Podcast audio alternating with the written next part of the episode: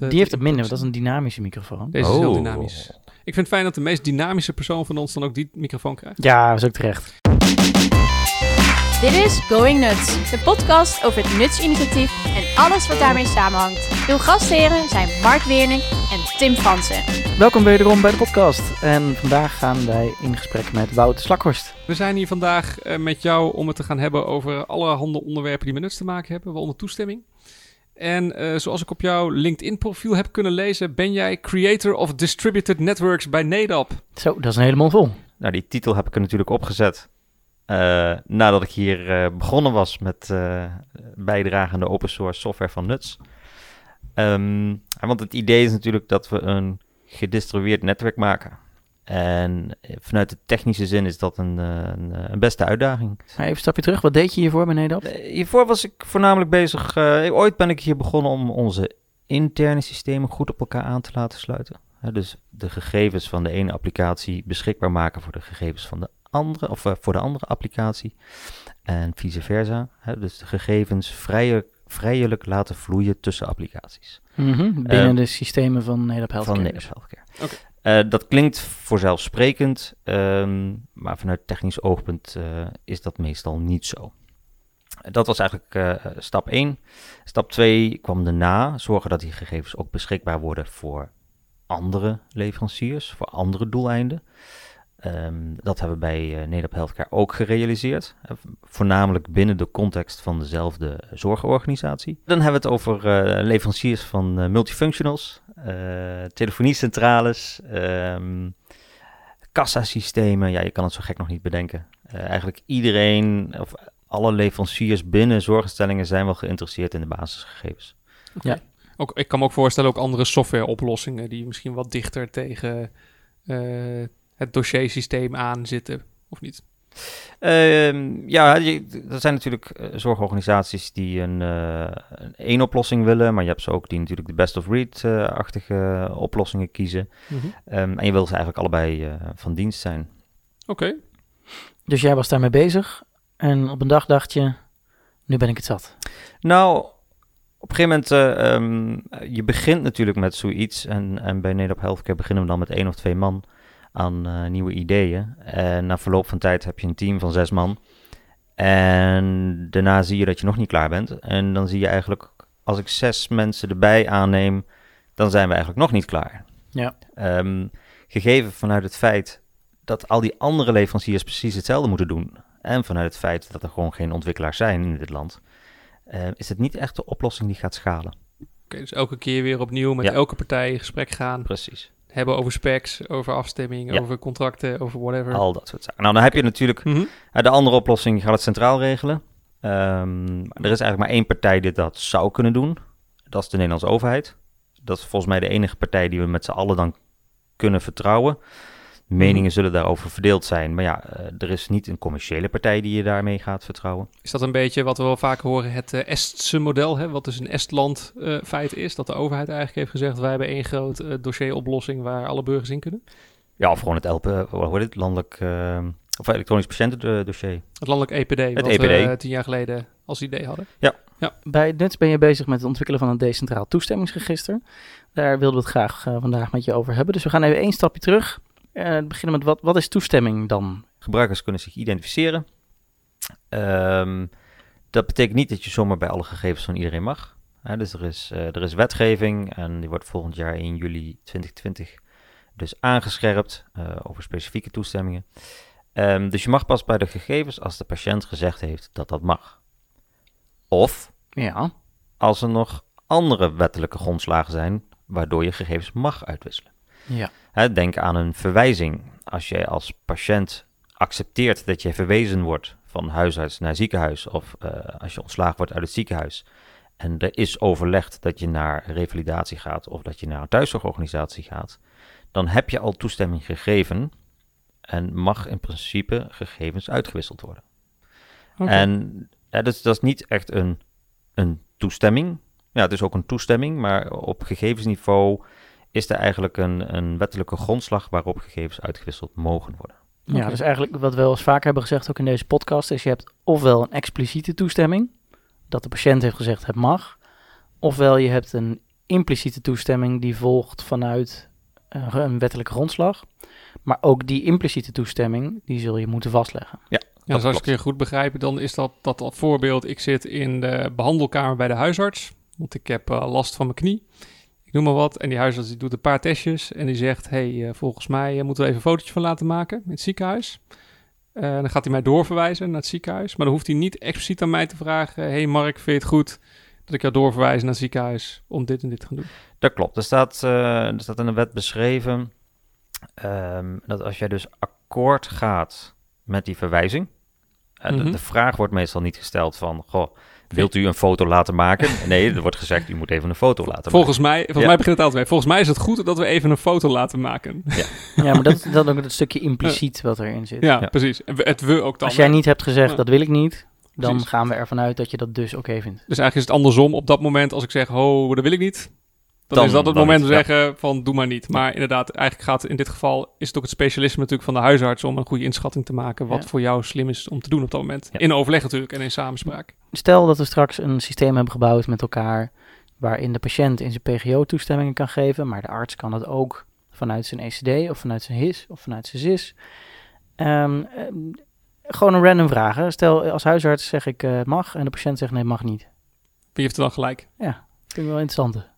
Even voorafgaande, ehm, de, de zorgorganisatie die de gegevens beheert voor de patiënt, gegeven een behandelrelatie, Mhm. die is natuurlijk verantwoordelijk voor de veiligheid van die gegevens.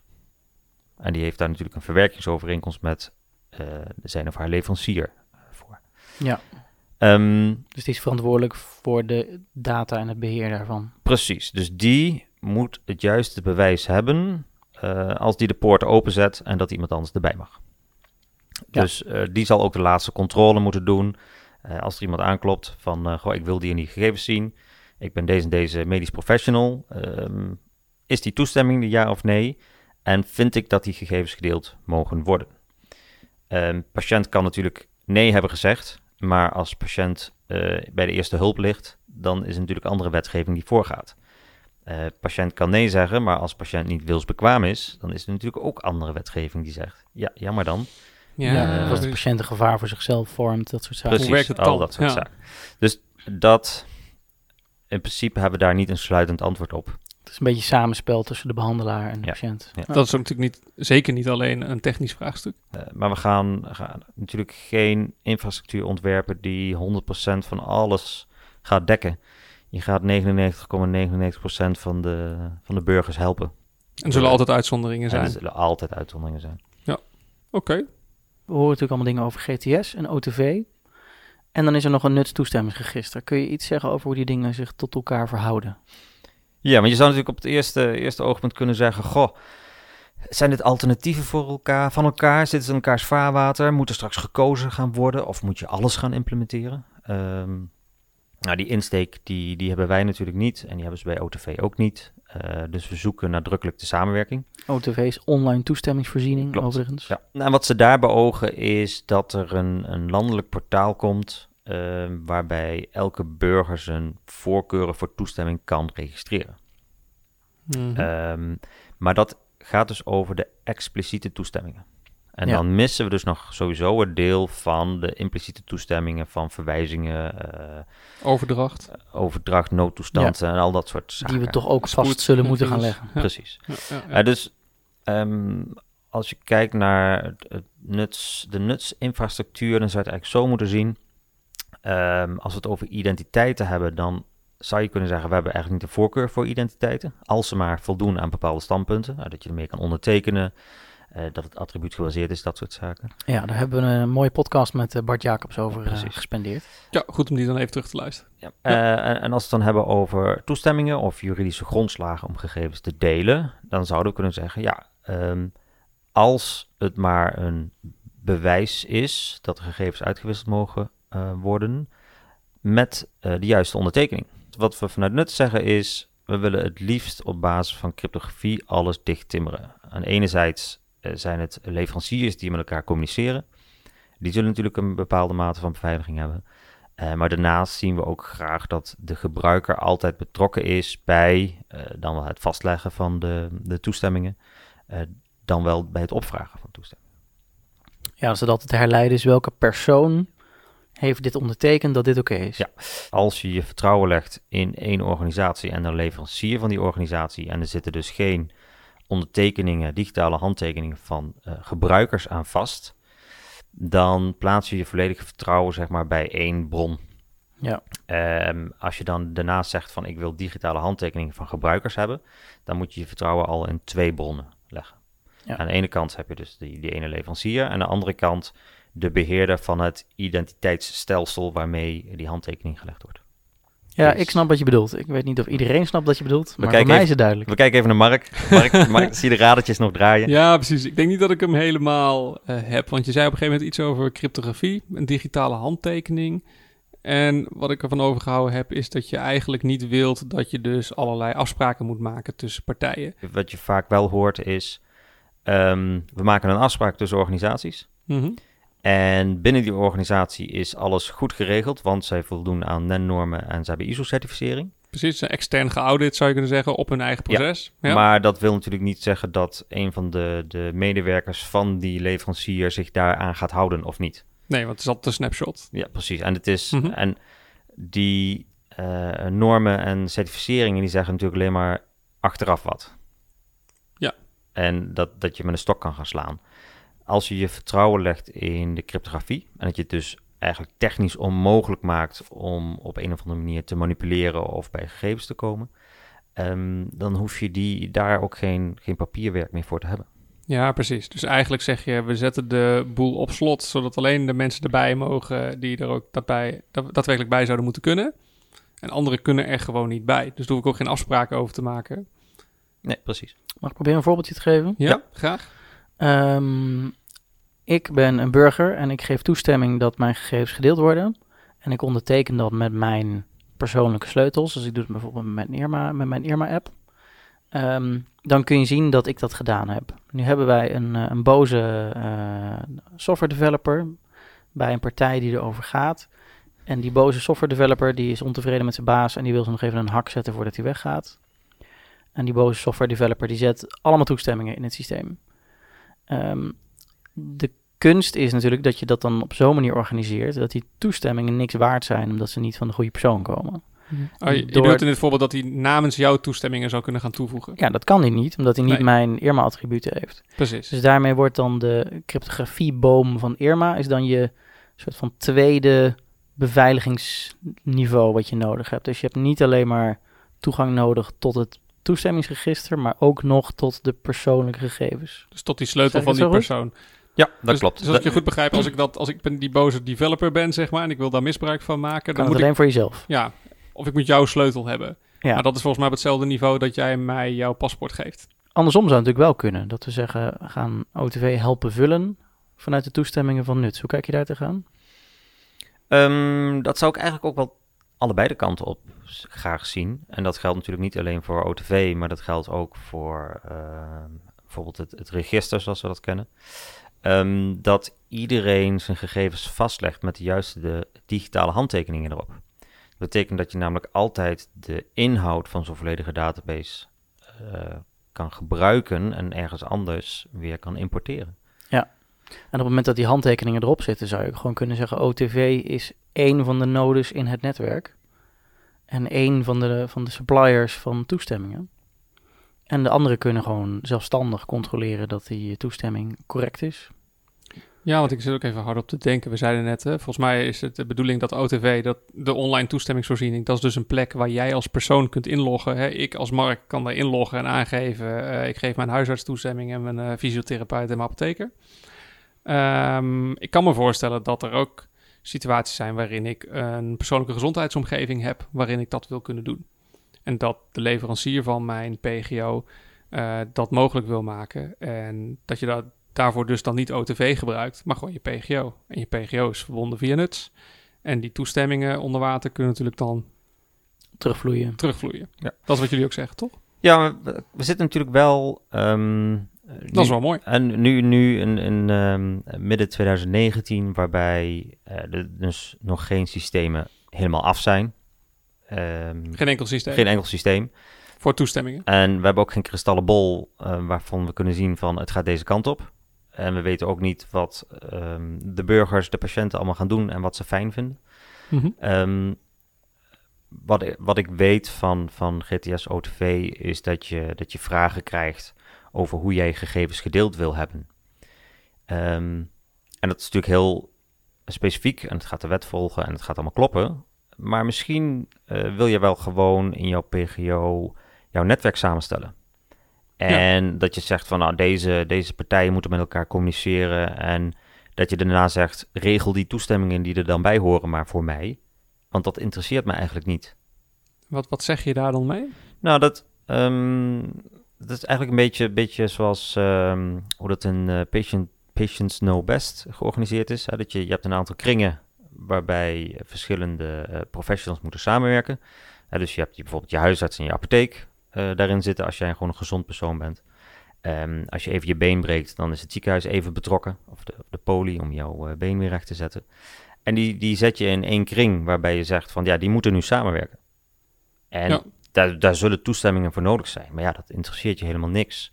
Oké. Ehm, laat er maar organisaties zijn die zorgen voor de afspraken welke gegevens dan van die partijen eh, onderling mogen voortvloeien. Ja, want die partijen hebben natuurlijk zelf ook nog de plicht om aan hun eigen dataminisatie-eisen te voldoen. Precies. En kijk, als dat geregeld is, dan hoef ik alleen maar te zeggen van eh, eh, regel die toestemmingen en ik onderteken dat. Ehm, hè, daar zul je stiekem natuurlijk, zullen heel veel mensen dat gewoon niet gaan lezen en op knopjes drukken en zeggen oké, oké, oké. Ja, een beetje nu als het wegklikken van de cookie-meldingen en zo in je browser. Eh, precies, dat soort zaken. ja. Ehm, maar dan heb je wel de keuze van hoe je dat eh, wil vormgeven. Ik kan me voorstellen dat, dat er mensen zijn die eh, bepaalde chronische ziekten hebben, dat die daar hun portaal voor hebben. En dat die gewoon zeggen, dit zijn mijn zorgverleners. En regel die boel maar. Ja. Of, of juist dan de behoefte hebben om het heel specifiek eh, vast te leggen wie eh, waartoe toestemming heeft. Ehm, en dat je dat dan nog steeds kan doen, maar dat je er ook voor kan kiezen om dat misschien in veel algemenere termen eh, vast te leggen. Door alleen maar te zeggen, ik heb een netwerk en deze mensen mogen bij mijn gezondheidsinformatie. En je kan natuurlijk ook zeggen dat, dat stel je bent heel paranoïde, hè, dan hebben we het over die 0,001%, dat die, Mensen die, zoals jij en ik. die kiezen een, een, PGO Dat... Hier is het per- percentage vrij hoog als ik in deze ruimte kijk. Die kiezen voor een PGO dat ehm, misschien wel een notificatie naar de mobiel stuurt. Elke keer als de gegevens ingezien worden of dat er iets wijzigt. dat met je real-time weet van nu Ja. is een arts te- aan het kijken naar mijn data. Of Ja, dat- nu is ineens een, een, vreemde zijn, uit ja. een bepaalde behandelcentrum. Dat ken ik helemaal niet. Ja, wat doet hij in mijn Dat je data? dat allemaal specifiek wil weten. En dat is natuurlijk, ja, dat is voor een, voor een, ehm, klein eh, deel van de bevolking. En dat zal je eerder via een PGO gaan ontsluiten dan via een centrale voorziening. Want daar zal niet eh, aan dit soort, soort eisen gehoor gaan, gegeven Ja. gaan worden, denk ik.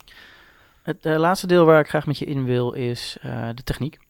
Want we zijn dingen aan het bouwen. Dus misschien kun je om te beginnen iets vertellen over hoe zijn we dat aan het bouwen, wat gebruiken we daarvoor en, en hoe gaat het straks werken? Ja, pas op, want we gaan straks veel luisteraars verliezen. Dat is niet erg. We, we hebben te maken met onzekerheid aan alle kanten. Eh, we hebben natuurlijk te maken met technologie die zich nog niet bewezen heeft. Eh, al met al ehm, goede ingrediënten om eh, systemen helemaal verkeerd op te zetten. Ehm, Oké, ja. Het begint goed dit verhaal. Geruststellend. Ja, geruststellend. echt heel veel zin in. Waar we dus rekening mee moeten houden is eh, alles heel flexibel houden. Ja. Ehm, dat betekent dat we nu ook keuzes maken om heel veel dingen te scheiden van elkaar. Eh, de ervaring wijst ook uit dat als je eenmaal aan een systeem begint, dat het alleen maar groeit en nooit kleiner wordt. Mhm. Ehm, dus als je te veel dingen in één systeem eh, stopt, één deelsysteem zeg maar, dan gaat dat groot worden. En groot betekent uiteindelijk niet te onderhouden. ja, complex. Ja. En wat zeg je? Je zegt dingen scheiden van elkaar. Wat bedoel je daar dan mee? Nou, we hebben, we hebben een mooi architectuurplaatje staan. Ehm, dat is al één keer gewijzigd en ik denk dat het binnen een paar weken nog een keer gaat wijzigen. Ehm, waarin zaken staan als een eh, cryptografische module. En er staat een module die doet iets met, eh, met fire records valideren. En we hebben een module dat doet iets met ehm, het rondsturen van events intern. Als je zegt, we houden het zo flexibel mogelijk in de ontwikkeling. Ja. Eh, kun je iets zeggen over Corda? Wat dat is en wat je ermee doet? Ja, Cor, we, hadden natuurlijk ergens het idee geopperd van we moeten een gedistribueerd netwerk hebben. We hebben nog helemaal niet verteld waarom eigenlijk. Nee, waarom is dat Ehm, eigenlijk belangrijk? Ja, want dat heeft natuurlijk te maken met dataminimalisatie en zorgen dat gegevens alleen leven bij partijen die daar iets mee moeten. Ja, dus dat is het, het gedistribueerde deel. Dus dat is ook even misschien voor, voor mij ter verheldering. Dus het concept van dataminimalisatie is dat je alleen die gegevens deelt die ook daadwerkelijk nodig zijn voor het proces, de behandeling, Ja. whatever. En als je het dan hebt Nooit meer. over de toestemmingen, als een huisarts toestemming geeft, of huisarts toestemming heeft gekregen om zijn gegevens te delen met de apotheek, dan hoeven alleen de huisarts en de apotheek daarvan op de hoogte te zijn. Ja, Het ziekenhuis niet. Verder, verder inderdaad niemand. Oké. Ehm, en dat betekent dat ehm, als je ook geen centrale partij hebt die regelt naar wie die gegevens heen gaan, dat de, de, de nodes, daar hebben we het dan over, het stuk van het netwerk wat draait bij de leveranciers van die huisarts en apotheek, dat die elkaar moeten kunnen vinden en alleen onderling die gegevens gaan uitwisselen. En verder naar niemand. Ja, hoe doe je dat? Ja, precies. En ehm, we zijn natuurlijk allemaal enigszins geïnspireerd geraakt door alles wat met eh, blockchain te maken heeft. Oeh, Bitcoin. Ching, eh, soundboard, plingeltje. Ethereum. Heeft iemand zijn slechte ether woord, nog? ja. Ja. En wat je daar, daar ziet is van, hé, hey, er is een publiek netwerk wat eh, gebruikt wordt, wat stabiel is en waar geen centrale partij bij zit. Het, is, het is ook geen netwerk wat je kapot kan maken. Het gaat je gewoon niet lukken. Dat zal er zijn en het zal er altijd blijven. Tenzij je de waarde weer niks wordt en eh Ja, wordt alleen onder ervoor- technisch gebruikt. ervoor kiezen om ermee op te houden. Precies. ja, totdat niemand het meer gebruikt, dan is het weg. Maar dat is ook logisch. Ja, dat is natuurlijk ook de inspiratie. Als je een, Mhm. een netwerk kan opzetten waar alle leveranciers binnen de zorg bij betrokken zijn, dan heb je natuurlijk een netwerk van misschien wel eh, honderd verschillende nodes. En dat netwerk ga je niet kapot krijgen. En Corda is dus een, eh, het is geen, geen blockchain in de zin van er is één publiek netwerk en er zit iedereen op aangesloten. Eh, dat hebben ze wel, ze hebben wel een testnetwerk trouwens. Maar wat zij mogelijk maken is ehm, dat je specifiek die nodes betrekt die alleen betrokken zijn bij een bepaalde transactie. Nou, dat is precies hetgene wat we zoeken. Mhm. Daarnaast zijn ze ook een van de enige, is het een van de enige stukken software waarbij het mogelijk is dat je bepaalde gegevens eh, wel mee laat doen in de transactie. Maar dat is wel belangrijk, hè, want de transactie zorgt ervoor dat alle partijen die betrokken zijn het eens zijn met wat daar gebeurt. Ehm, maar dat een van de partijen bijvoorbeeld een stuk gegeven niet ziet. Ze zien dan Ja. alleen maar de cryptografische handtekening ervan, maar ze zien niet het stuk gegeven. En dat is nou precies het stukje logica wat we nodig hebben om een PGO mee te laten doen in transacties. Want het BSN kunnen we dan eruit filteren, maar ze doen wel mee met de transactie. Ja, want dat BSN mag je niet gebruiken in je. PGO. En wat je dan hebt is dat alle wijzigingen die omtrent die toestemming wat er gebeurt en een PGO is aangesloten, dat een PGO altijd een, een primaire partij is die die transactie moet goedkeuren. En dus je ziet in je PGO niet een, een, eh, een uittreksel van wat de, de waarheid is. Nee, je bent onderdeel van de waarheid. Maar ze kunnen wel valideren dat eh, wat er staat, dat het klopt en dat alle cryptografie in orde is en dat er Precies. inderdaad iemand toestemming heeft Ja. gegeven, et cetera, et Ja, cetera. en een belangrijk onderdeel van die technologie is dat alle nodes ehm, moeten dezelfde software draaien. Hm. En dan hebben we het specifiek over het contractgedeelte. Ja, dus we, maken, we schrijven een stuk software en dat is eigenlijk een digitaal contract van wat je eigenlijk bij de notaris zo laat ondertekenen. Letter voor letter moet die code exact hetzelfde zijn bij alle partijen. En dan weet je zeker dat als er dus eh, een wijziging wordt aangeboden rondom die toestemmingen, dat alle partijen dezelfde validatie doorgaan. Dus dat is voor je betrouwbaarheid is dat heel erg mooi. Maar voor het beheer is dat natuurlijk wel een uitdaging. Een van de dingen die we nu al bedacht hebben is, ehm, wijzigingen gaan altijd in twee stappen. Dus we gaan niet tegelijkertijd het interne datamodel wijzigen en de interface wijzigen. Dus we doen eerst het datamodel en de volgende eh, versie is dan de interface. Mhm. Oké. Want dan kan je altijd twee versies tegelijkertijd draaien. En dan heb je dus Ja. een overgangsperiode voor alle leveranciers. En kan je dus daar ook op voorbereiden op die wijziging aan de voorkant? Ja, en, Ja. en je zou het vanuit de stichting ook kunnen monitoren van, goh, eh, wie is al geüpdate en wie nog niet. Ja. Eh, draaien we allemaal dezelfde versie. Precies, en je kan er altijd achteraan gaan bellen als je dat echt nodig hebt. Ja, dat is wel een goed punt. Dit is wel een veelgehoorde vraag ook die we steeds vaker nu krijgen volgens mij. Van hoe gaan jullie om met versiebeheer, met dat iedereen up-to-date blijft? Ja. Dat soort zaken. Nou, een, an- een andere een ding waar we eh, goed rekening moet- mee moeten houden, is dat in ons datamodel dat we eigenlijk alleen maar eh, ja, metadata opslaan. Hè? Dus data over de data. Dus dat consent record zelf, eh, hoe dat eruit ziet, want we gebruiken nu een eh, Fire versie 4 consent model daarvoor. Ehm, dat zal alleen maar encrypted opgeslagen worden in Corda, in het gedistribueerde database. Ehm, en dat kan eigenlijk gewoon wijzigen zonder dat je de software hoeft te updaten. In ieder geval dat deel van de software hoeft te updaten. Ja, dus het toestemmingsmodel zelf, dat Ja. kan wijzigen. Precies. En We gaan ook de, de validatie van bepaalde versies van toestemmingen, bepaalde soorten van toestemmingen, die zullen ook allemaal eh genamespaced worden met een versienummer. Nou, voor degene die er wat zegt, ehm, betekent dat eigenlijk dat code voor het valideren van oude toestemmingen altijd aanwezig zal zijn. Oh, ja. Dus dat gaan we nooit weggooien. Dus in Ja. principe eh, zorg je er dan voor dat je tot het einde der tijden dingen Ja, kan valideren. Want dat kan niet meer, want je moet achteraf kunnen zien dat het toen mocht, vijf jaar geleden. Precies, en Ja. toen werkte dat helemaal anders. Ja. Maar ja, je moet het nog wel kunnen checken. Ah, dat wordt een mooie ontwerpuitdaging. Oké. Maar wel goed dat jullie over dit soort dingen allemaal nadenken. Ja. Mag ik afsluiten met de vraag wanneer we mee aan de slag kunnen? Is het al af? ja, voor hoe ver staat het er eigenlijk mee? Ja, het is natuurlijk heel flauw. A, het is nooit af. Nee, allicht. En B, je kan er nu mee aan de slag. We hebben er nu voor gezorgd, je kan het op je laptop draaien. En je kan met het unencrypted deel, kan je eigenlijk van alles gaan simuleren. Je kan er tegenaan praten, je kan gaan zoeken en noem maar op. En eh, dan gaan we stiekem zelf gewoon door met het, eh, het gedistribueerde deel. Dat dat goed en stabiel werkt, zodat we een testnetwerk kunnen opzetten. Oké, als je een oproep zou mogen doen op deze podcast, wat heb je nodig van anderen? Nou, ik zou zeggen, eh, ga ermee aan de slag. Integreer het met je eigen software. Ehm, kijk waar je tegenaan loopt. Eh, deel wat je mist. Eh, en help mee om eh, die missende delen te maken. Oké. Mogen we jou eh, van harte danken, eh Wout Slakhorst, voor ja, dit interview bij Going Nut. Graag gedaan. En tot de volgende keer. Dan zeggen we tegen onze luisteraars inderdaad weer tot de volgende keer. En eh Go Nut. Go Nuts. Dit was Going Nuts. Wil je bijdragen aan deze podcast? Stuur dan een mailtje naar podcast@nuts.nl. Tot de volgende keer.